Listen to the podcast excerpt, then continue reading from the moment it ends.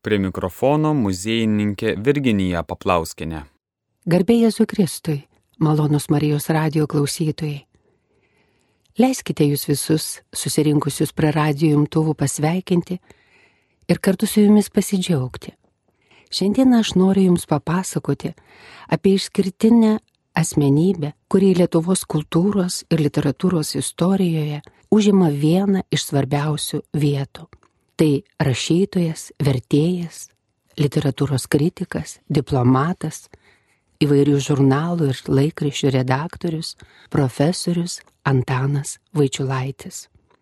Antanas Vaičiulaitis, įžengęs į kūrybos pasaulį, su pirmąja knyga Vakaras Argo namelėje, išleista 1932 metais, iki paskutinės, išleistos Amerikoje 1986 metais, vidudienis prie šeiminos, tapo ypatingų rašytojų, klasikų. Jis liko ištikimas individualiam braižui, jo kūryba remiasi į dekologą, amžinasis vertybės, kurios nepavaldžios laiko bėgsmui. Magiško realizmo kuriejas žavėjo, žavė ir dar ilgai žavės ne vieną kartą, nes jo kūryboje yra amžini dalykai, o išlieka tik tai, kas įgyja amžinybės vertę. Prieš pradedant savo pasakojimą apie Antaną Vaičiulaitį, aš noriu pasidžiaugti, kad Maironio lietuvių literatūros muziejuje saugomas visas rašytojo kūrybinis palikimas. Jį perdavė žmona Joana Bramikaitė Vaičiulaitinė, o vėliau palikimu rūpinosi dukros Danutė, Joana ir Aldona. Jos tęsė mamos ir profesoriaus Alberto Zalatoriaus įsteigta metų žurnalo premija už geriausią novelę. Tėviškėje Vaičiulaičio dukros įsteigė premiją skatindamos tiek jaunuosius, tiek vyresniosius rašytojus kurti. Iš ties, Vaičiulaičio kūryba daugeliui jaunųjų teikia dvasinio peno ir įkvėpimą. Antano Vaičiulaičio kūrybinis palikimas - tvarkomas, tyrinėjamas, eksponuojamas, rengiamos paskaitos, leidžiamos knygos, galite įsigyti ir ypatingą monografinio archyvinio pobūdžio knygą skirtą jo gyvenimo ir kūrybai apžvelgti. Šioje knygoje per unikalias nuotraukas, dokumentus, rankrašius, laiškus, atminimus apžvelgiamas rašytojo gyvenimo ir kūrybos kelias. Antano Vačiulaičio literatūrinis talentas susiformavo ir išsiskleidė tarpukario Lietuvoje.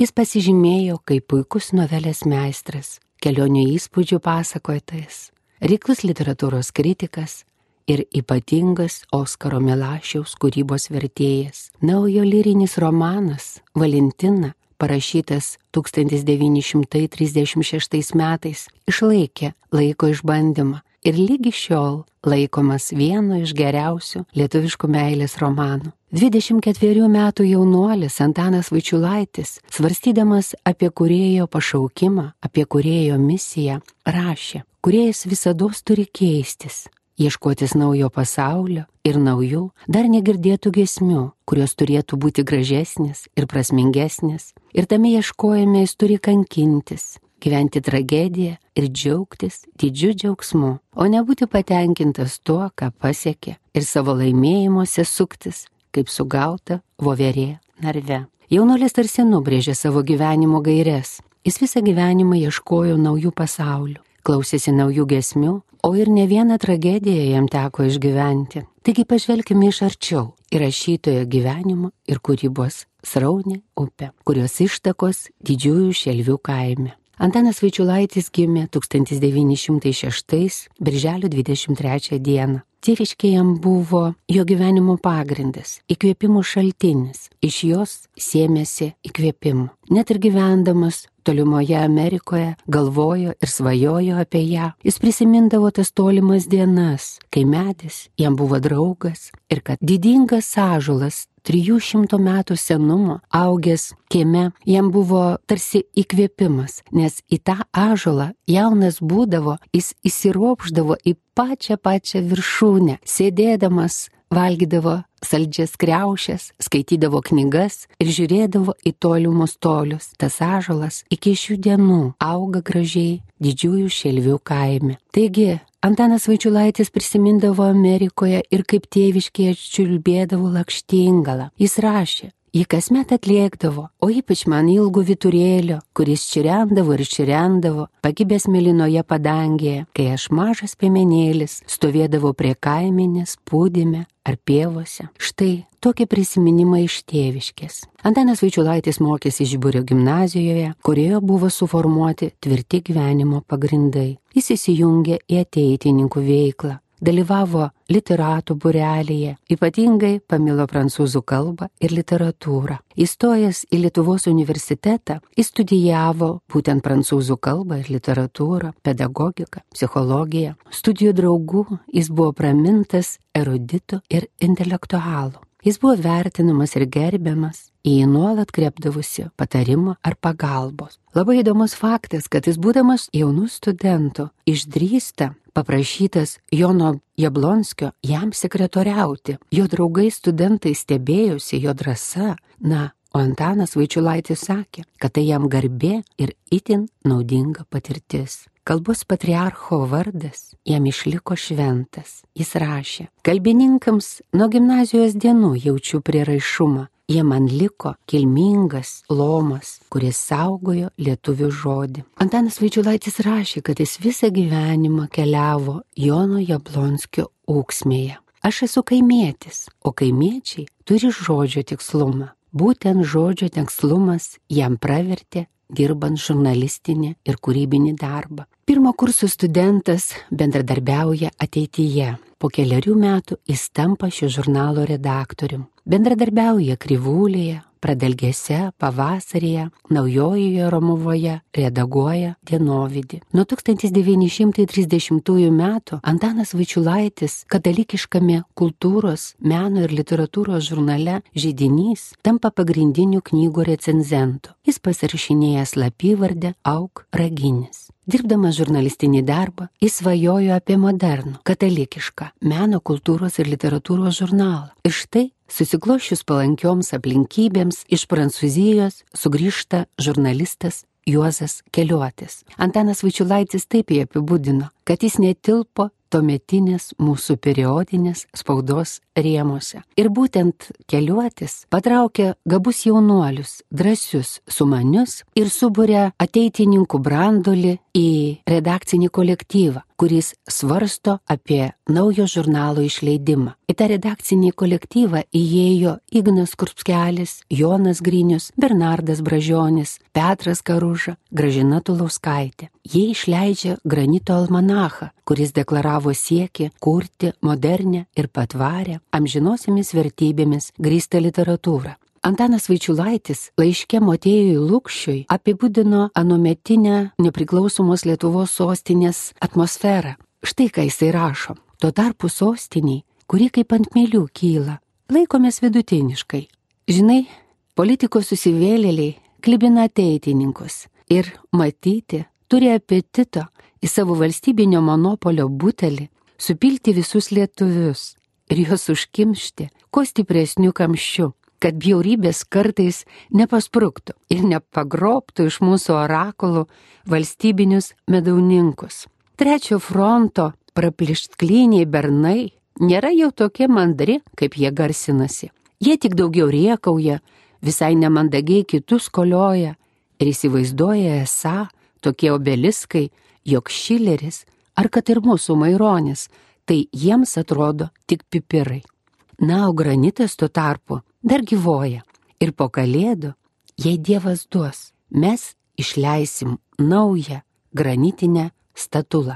Deja, antrasis granito numeris neišėjo, tačiau 1930 metais Juozas Keliotis sumano, kad reikia leisti savaitinį kultūros, literatūros ir meno žurnalą Naujoji Romuva. Taigi, iš ties, anomet įvyko stebuklas ir buvo išleistas žurnalas Naujoji Romuva kuris tapo vienu iš reikšmingiausių kultūrinių įvykių tarpukario Lietuvos gyvenime. Naujos Romuvos puslapiuose Darbavosi ir Antanas Vaičiulaitis. Čia jisai spausdino originalią kūrybą, kritikos straipsnių, kelionių įspūdžius bei Oskaro Milašiaus kūrybos parengtus vertimus. Antanas Vaičiulaitis bendradarbiavo kultūrinėje spaudoje. Tačiau jis daug dėmesio skiria ir mokslams, o studijos tikrai teikė ypatingų žinių, nes klausėsi tokių profesorių kaip Maironis, Krevė Mickevičius, Dovidaitis, Šalkauskis, Dubas, Eritas. Universitetinis gyvenimas atgaivino. Jis dalyvavo Šatrijos draugijos veikloje.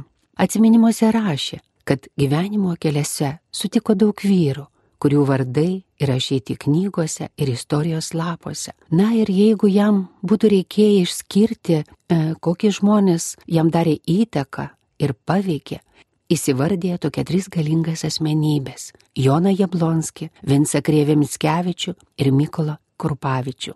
Jie man vaidenas kaip monumentai, rašė jis, kaip įstamti davėjai, didėjai kuriejai. Vienas kalbos, antras literatūros, trečias nepriklausomos Lietuvos. Ypatingą vaidmenį jo gyvenime suvaidino ir profesorius Vinsas Mikolaitis Putinas. Jis klausėsi jo paskaitų, na ir dar daugiau, Mikolaitis Putinas vadovavo jo diplominiam darbui. Abu su Vincu Mikolaičiu Putinu bendradarbiavo kultūrinėje ir literatūrinėje veikloje. Štai įsteigus Lietuvų rašytojų draugiją, jie buvo išrenkami į valdybą. Vinsas Mikolaitis Putinas tampa pirmininku, Vaičiulaitis įždininku. Iš profesoriaus jaunolis mokėsi tolerantiškumo, pakantumo, lojalumo, kito nuomoniai, mokėsi kūrybinės veiklos. Anksti pajutęs rašyto žodžio galę, suvokęs rašytojo kilnę misiją, jis įsitraukė į kultūrinį gyvenimą tam pačiam Motiejui Lukščiai jis rašė, cituoju, na, atsirado čia tokių šventą dvasių grupė. Per trečiadieninių pasikalbėjimo literatūrinius pobėvius jie pristato baisybę utilitarinių tikslų - vadovauti tautai, duoti jai kilnius pavyzdžius, ją šviesti. Na, o aš literatūrai statau aukštesnius plotus negu visą tą reumojimą ir terliojimąsi su utilitaristinė tendencija. Aš tau sakau, gyvenimą reikia meno rėmai suimti, iškelti galingą, įdomų jo tekėjimą. Štai rašytojo tikrasis darbas. Kai jis gyvenimą suims į aukštus meno kūrinius, tada jis bus ir tautos geradaris, ir mokytojas. Į kūrybos pasaulį Antanas Vaičiulaitis įžengė dar besimokydamas gimnazijoje. Jis vertė Šilerį, Giotę, 1925 metais žurnale Krivulė atspausdino savo pirmąjį lėraštį Sunkios dienos, o po metų žurnale Ateitis ir prozos vaizdelį Paskutinis dėdės pusdienis. Jis rašė, jeigu jo nebūtų spausdinę, gal daugiau ir nebūčiau rašęs, aš buvau dičiai nedrasus vaikinas prieš redaktorius, bet įsivaizduokit, Atėjo redaktoriaus Januševičiaus atvirukas į gimnaziją su lemtingais žodžiais - draugas, valdai plunksna. Tai mane pakėlė nuo žemės ir iki dabar nesiliauju valdės plunksnos. Lygi dabar, kaip mokėdamas, rašau.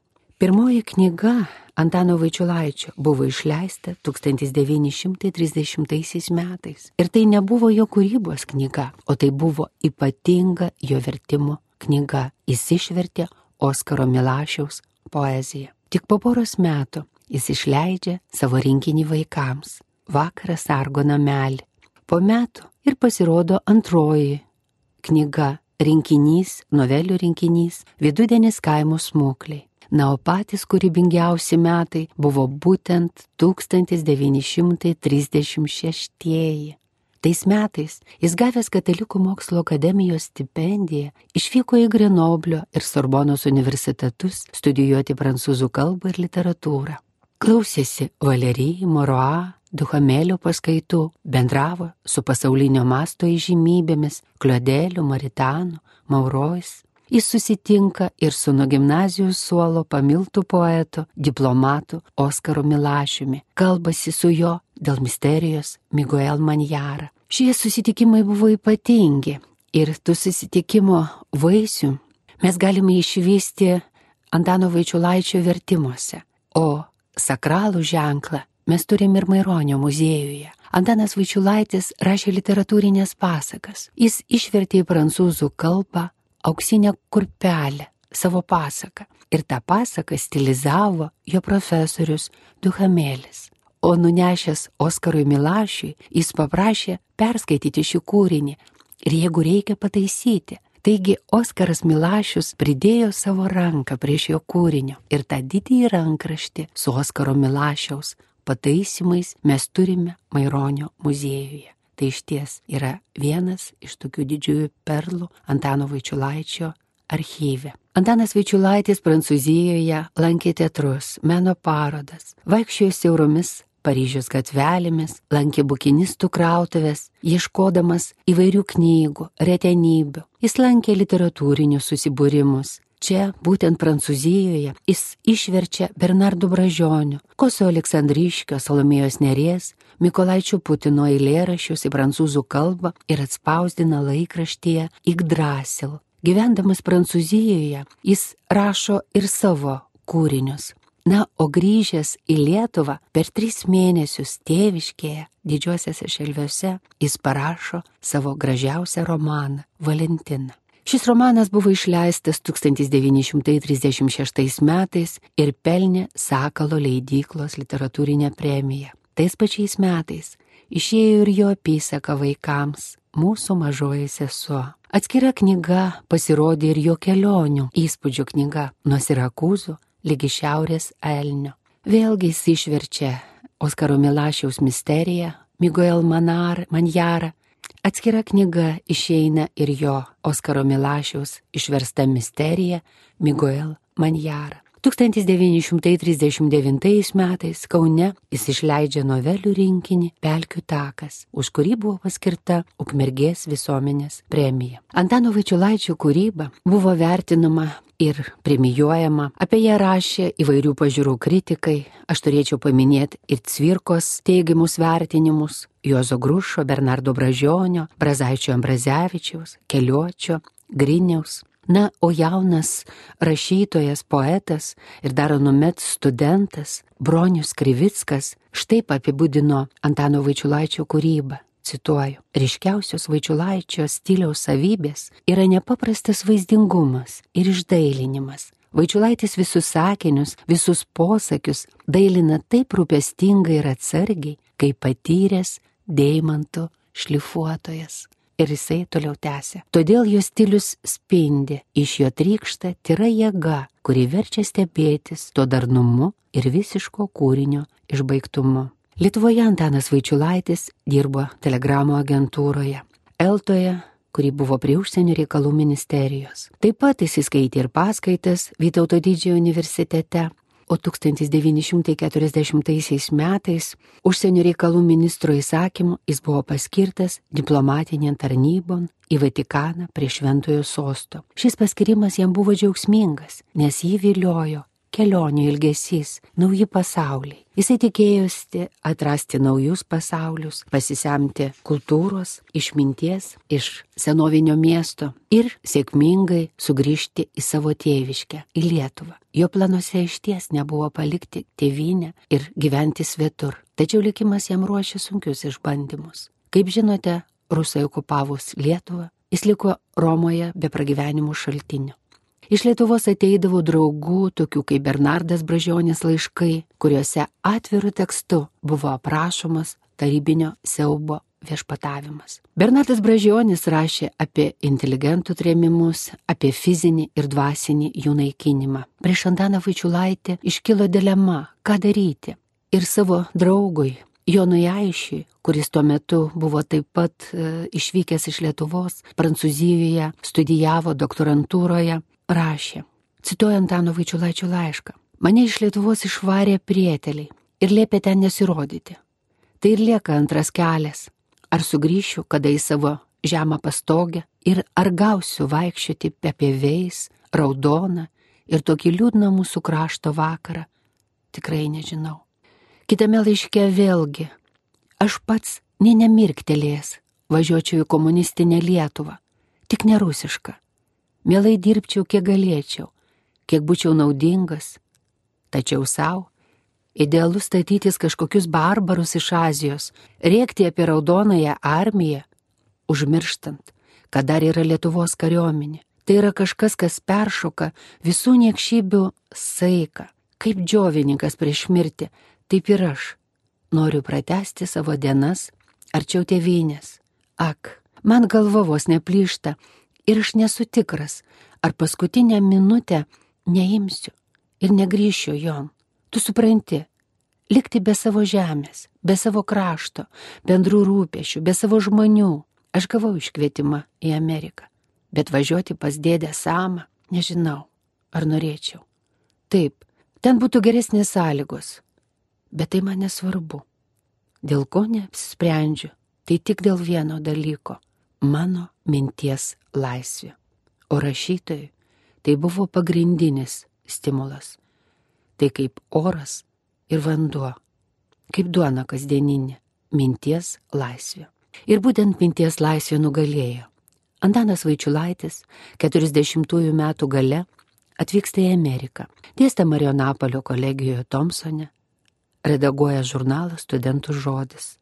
Aišku, karo neramumai Europoje buvo apėmę visą pasaulį, palėtė ir Amerikos kontinentą. Antanas Vaičiulaitis taip pat pakviečiamas atlikti karinę tarnybą ir jis Amerikoje pusmetį tarnauja oro pajėgų dalinyje. Laimė, po pusmečio dėl spinos sveikatos jis atleidžiamas iš karinės tarnybos. Antanas Vičiulaitis Amerikoje buvo žinomas kaip puikus rašytojas, profesionalus spaudos darbuotojas, vertėjas. Taigi nuo pat pirmųjų jo gyvenimo dienų Amerikoje jam buvo paskirti atsakingi kūrybiniai darbai. Jis bendradarbiauja ir redaguoja įvairius žurnalus, laikrašius, studentų žodį, Ameriką, darbininką, draugą, o didžiausių rūpešių ir jo kūdikiu tampa žurnalas Aidai, kuris buvo perkeltas iš Vokietijos. Jį jis redaguoja 15 metų. Dargi, jis trokšta naujų žinių ir studijuoja Fordgamo universitete anglų ir amerikiečių literatūras. Profesoriauja Skrantono universitete, dėstų prancūzų kalbą ir literatūrą. Na ir New York'e jis pakviečiamas į Amerikos balso informacinę agentūrą. 1951 metais čia buvo įsteigtas lietuvių skyrius. Vėliau tas lietuvių skyrius iš New Yorko buvo perkeltas į Vašingtoną. Antanas Vaičiulaitis užėmė ne vieną atsakingą viršininko postą. Jis vadovavo lietuvių skyriui. Tai įtin reikšmingas ir ypatingas jo darbas. Jis parengė išsamius reportažus meno, kultūros, literatūros, istorijos, politinėmis temomis, kurie buvo retransliuojami į sovietinę Lietuvą. Taigi šie reportažai griovė sovietinės imperijos pamatus. Gyvendamas svetur, Antanas Vaičiulaitis, idealistas, intelektualas, buvo pasiryžęs tarnauti tėviniai, puoselėdamas asmeninę, kūrybinę veiklą, taip pat dirbdamas ir visuomeninį darbą. Jis suprato, kad tik dirbant kultūrinį darbą galima išlaikyti tautinę savimonę, savo lietuvišką kultūrą, svetimų apsuptyje. Reikia pabrėžti, kad visuomeninė kultūrinė pareiga atimdavo iš Antano Vaičiulaičio daug laiko ir jėgų. Tiesiog pristikdavo įgyventinti savo sumanimus, o tų sumanimų buvo nemažai. Laiškė Jonui Aišiui jisai rašė, kad jis norėtų rašyti romaną, epopėją apie baudžiavos dienas iki tų laikų, kai atsidūrė Amerikoje. Norėjo pavadinti tą romaną Krivūlė. Taip pat jis mini, kad nori rašyti apie bernioko išėjimą į platų į pasaulį, autobiografinį romaną. Taip pat jis įsakė, kad turi įvairių sumanimų rašyti naujas apysakas, noveles ir net vieną tragediją buvo sumanęs. Deja, nepavyko jam įgyventinti savo šių didžiųjų sumanimų, tačiau Amerikoje taip pat išleista nemažai knygų. Aš paminėsiu jas. Štai išleidžia novelių knygą, kur bakūžė samanota. Vokietijoje jo bičiuliai, jo draugai, jaunasis rašytojas, poetas Kazis Bradūnas išleidžia jo kelionių knygą Italijos vaizdai, apie kurią mes pakalbėsime šiek tiek vėliau. Būtent už knygą Italijos vaizdai Antanas Vaičiulaitis pelnė pirmąją lietuvių rašytojų draugijos premiją Amerikoje. Parašo iš, ir išleidžia pasakų rinkinį, auksinė kurpelė. Vėliau išeina ir jo padavimo knyga, gluosnių daina, už kurią vėlgi paskirta Kryvės literatūrinė premija. Jis visą gyvenimą rašė eilėrašius ir tik 1980 metais išleidžia eilėrašių knygą ir atlėkė volungė. Na, už novelių knygą Vidurnaktis prie šeiminos jam paskirta Lietuvių rašytojų draugijos premija. Atskiromis knygomis išėjo ir jo vertimų knygos. Viena iš svarbiausių tai Milašiaus poezijos knyga Septynios vienatvės. Milašiumis žavėjusi visą gyvenimą. Štai ką rašė savo žmonai Joanai Abramikaitai. Likščiol stipriausiai širdyje pasiliko jis, Milašius kažkas gilaus, sėkiu didaus ir mistiško visoj toj išvaizdoj, rudose akise, veido brožuose. Mėgstu jo poeziją, karts nuo karto vėl pasiskaitau, tą širdį verinti balsą, išsiliejusi iš padušios gilumos, tokį tikrą, kaip tavo paties aimana ar sielvartas. Antano Vaičiulaičio kūrybą aukštai vertino tiek nepriklausomoje Lietuvoje, tiek jau gyvenant Amerikoje. Vienas reikliausias literatūros kritikas Nikaniliūnas rašė, Vaičiulaitis yra sąmoningas stilistas, gramatikos virtuozas ir šiandieninėje lietuvių prozoje niekieno, nei iš tolo, neprilykstamas žodinio orkestro dirigentas. Jo kūryba ir šiandien jaudina, teikia naujų minčių, užbūrė ir žavi savo stiliaus grakštumu, žodžių taiklumu, lengva ironija.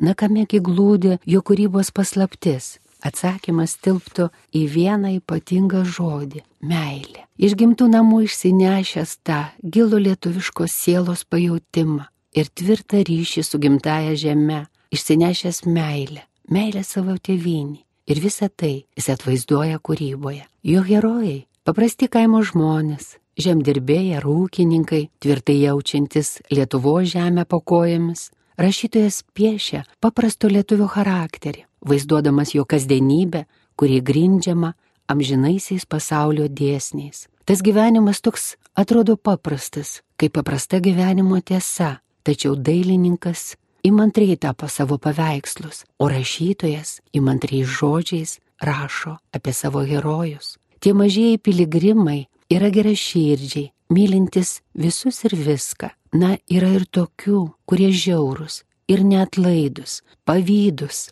Jie nori parklubdyti tą mažai, mažai žmogų, kuris siekia šviesos, gėrio, siekia savo svajonės. Jie nori jį skaudinti. Na, novelėje Dievo tvara ir atsiveria toks pasaulis. Geraširdis motėjus, ūkininkas, muzikantas sumasto ir pastato naują tvorą, kuri gražiausia visame kaime. Deja, kaimo pilkėjai žmonės patys nesugeba sukurti grožio, bet jie moka sutraiškyti, sugriauti jį. Iš pykčio jie sukapoja tą tvorą, jie sukapoja tvorą ir nori atimti iš Matėjos svajonę kurti grožį ir gėrį. Antanas Vaičiulaitis su didžiausiu pasimėgavimu piešia žmonės, kurie siekia grožio ir gėrio. Novelėse kalba apie žmogaus orumą, garbę, gebėjimą atleisti, įsiklausyti, suprasti, suvokti. Jis kalba apie būties trapumą, siekia atvaizduoti anapusinį gyvenimą, kuris anaip tol nėra gazdinantis ar bauginantis, kuris išties dvelkia ramybė ir amžinybės ilgesiu. Apie tokį gyvenimą mes galim paskaityti jo novelėse Tavo veido šviesa, popiežiaus paukštė, rogės, ypač paskutinioji novelė. Kalbama apie mirtį, kuri gali būti skaudi ir aštri kaip peilio ašmenis, tačiau yra mirtis, kuri yra rami ir įkvepia amžinybės jausmą. Išskirtinio Antano Vaičiulaičio kūrybos brožų reikia laikyti grožio meilius, gėrio išaukštinimą. Tai ypatingai atsispindi jo novelėse ir pasakose pasakos elementas naudojamas daugelėje jo kūrinių. Iš ties jis yra magiško realizmo kuriejas. Meniškumas pagrindinė sąlyga rašytojui. Jo legendos grakščios ir vaizdingos, reikia paminėti tokias legendas kaip apaštalų iškeliavimas, šmaikščias, nuotaikingas, kaip vidudienis kaimo smuklėje. Na, Antanas rašo ir legendas partizaninė tema. Tai knyga, legenda, gluosnių daina. Ypatingą jo kūrybos dalį sudaro ir meilės tema, žmogiškosios meilės. Meilė, didinga būties jėga. Jis kalba ir apie prarastą meilę. Ji ryškiausiai atvaizduota novelėse tarp šieno pradalgių, šiaurietėje, vieversyje, na ir romane Valentina. Autorius pateikia savo herojų psichologinės būsenas, pariškina jų išgyvenimus, gamtos kaitą, išgrinina kiekvieną detalę. Nenutrūkstama linija tarp žmogaus ir gamtos pariškina jausmus, išlaiko kūrinio vieningumą, vaičiulaičio stipriausios meno priemonės, stiliaus skaidrumas, balansas, proporcija, įmantriai supinta kompozicija. Jo kūryboje persipina liudesys, džiugesys, humoras, nepaprasta meilė žmogui ir viskam, kas supa mus, užbūri ir žavi. Kūryba jam neišsenkianti versmė - tirti aukščiausią meno prasme ir žmogaus paskirti suprasti. Vaičiulaitis rašė taip, kaip gyveno. Jis tikėjo geraisiais žmogaus pradais, mylėjo tuos, apie kuriuos rašė, meilė žmogui ypatingai atsiskleidžia jo kelionių knygose. Taigi Italijos vaizdai. Į šią knygą galima žiūrėti įvairiopai. Tai yra savotiškas vadovėlis, vadovėlis kelionių po Italiją. Čia aprašomi gražiausios vietos, ypatingos vietos, kur Antanas Vaičiulaitis keliavo, ką matė, su kuo susipažino, su kuo bendravo. Tačiau ši knyga yra meilės ir ilgesio knyga savo tėviniai Lietuvai.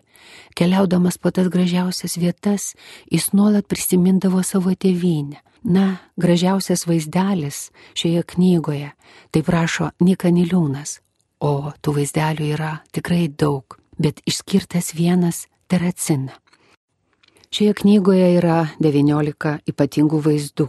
Neišdildomus kelionių poterius rašytojas suguldė į šią knygą. Vėliau neišdildomi kelionių poteriai sugulio rašytojo širdyje, vėliau juos gaivindamas supinė į 19 reto grožio impresionistinių vaizdų. Autorius bando užčiuopti, išvelgti, įspėti kiekvieno miesto savitumą, sėdėdamas nuo šalioje vietoje prie šventyklos teracinoje, išvelgia išelstančią jūrą, susimastęs kontempliuoja, įsiklausydamas į amžių tylą. Nika Niliūnas, kaip vieną gražiausių šios knygos pasakomų, išskyrė būtent teraciną. Pirmame fragmente iškelti motyvai, kurie bus plėtojami kitose vaizduose - gamtos grožis ir jos sukurti stebuklai, įstabus architektūros paminklai, menas, muzika, literatūra. Pirmąjį vaizdą galima laikyti knygos moto. Autorius nukelia mus prie Jupiterio šventyklos, į senųjų romenų kapus į krikščionių katakombas. Prisimindamas Homero kūrybą, jis pasakoja apie devaitę kirkę, kurie priemė Odisėją ir jo jūreivius, apgirdė ir pavertė paršais, kad savo tėvynę užmirštų. Aklojo dainiaus Homero akise visi, kas pamiršta tėvynę, yra apžėlę paršai. Antanas Vaičiulaitis keliavo po Italiją, tačiau Lietuvos vizija nuolat skausmingai spurdėjo širdyje žvelgdamas į didingus architektūros paminklus, gamtos grožį, lygino su tėvinėje likusiais vaizdais, ilgesio motyvai, plonyčio rašto filigranų, subtiliai įpintas beveik kiekvienose vaizduose. Knygoje daug kas primena Lietuvą ir jo likusius artimuosius. Štai laivo pavadinimas yra kaip dukteriečias vardas - Jolė. Na, o kitur nuvažiavęs jis pamato ir išrašytą oloje Maironio citatą. Filosofas Gadameris yra rašęs, gyvenimą trimtyje lydi mintis apie tėvynę, iš kurio žmogus jaučiasi išvarytas, o kartu ir mintis apie sugrįžimą net tuomet, kai sugrįžti visiškai neįmanoma, juk tevinė nepamirštama. Šioje knygoje mes matome ir savotiškai humoristinius vaizdus. Štai kaip jis aprašo diktatoriaus Musolinio išėjimą į balkoną tuomet, kaip yra paskelbiamas karas. Antanas Vaičiulaitis atpasakoja, kad jis stovėjo toje didingoje minioje, kuri užė ir šurmuliavo išėjus Musoliniui į balkoną. Jis prisispaudė prie sienos ir klausė tos baisius diktatoriškus žodžius. Jis suprato, kad štai prasidėjo siaubingi metai pasaulyje, paskelbtas karas. Jis nufotografavo Musolinį. Ir ką jūs manote?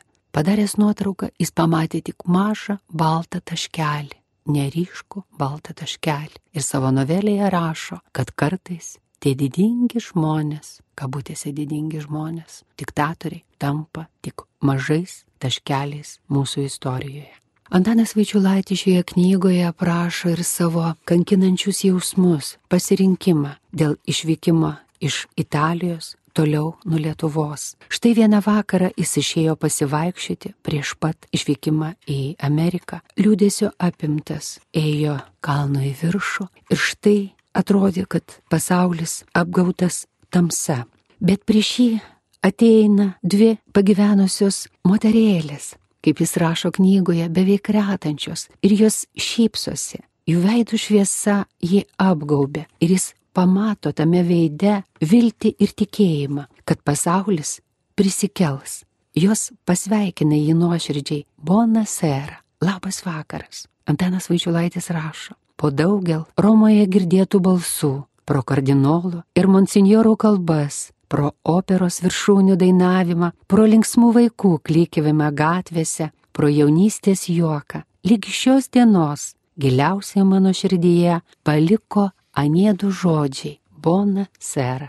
Antanas Vaičiulaitis pasiaukojančiai dirbo lietuviško žodžio tarnystėj, norėjo, kad jis per amžių amžius eitų iš kartos į kartą. Rašytojas turi žinoti kalbinį aruotą, o kad tu galėtum būti jų valdovas, jais operuoti, išgauti tą įspūdį, kai muzikos skambėjimą rašė Antanas Vaičiulaitis. Jis puikiai išmanė tą kalbinį aruodą, mokėjo valdyti žodžius ir mokė šio meno kitus. Jis tvirtai tikėjo, kad lietuvių kultūrininkai pirmoji vietoj turi kurti lietuvių kultūrą. Nepaprastai vertino rašantį žmonį. Jie aukoja savo poilsį, kad laikytų iškeltą didįjį mūsų tautos žiburį, kuriantį lietuvišką žodį. Antanas Vaičiulaitis buvo vienas iš tų, kurie per visas gyvenimo audras išlaikė iškeltą didį tautos žiburį, kuriantį lietuvišką žodį.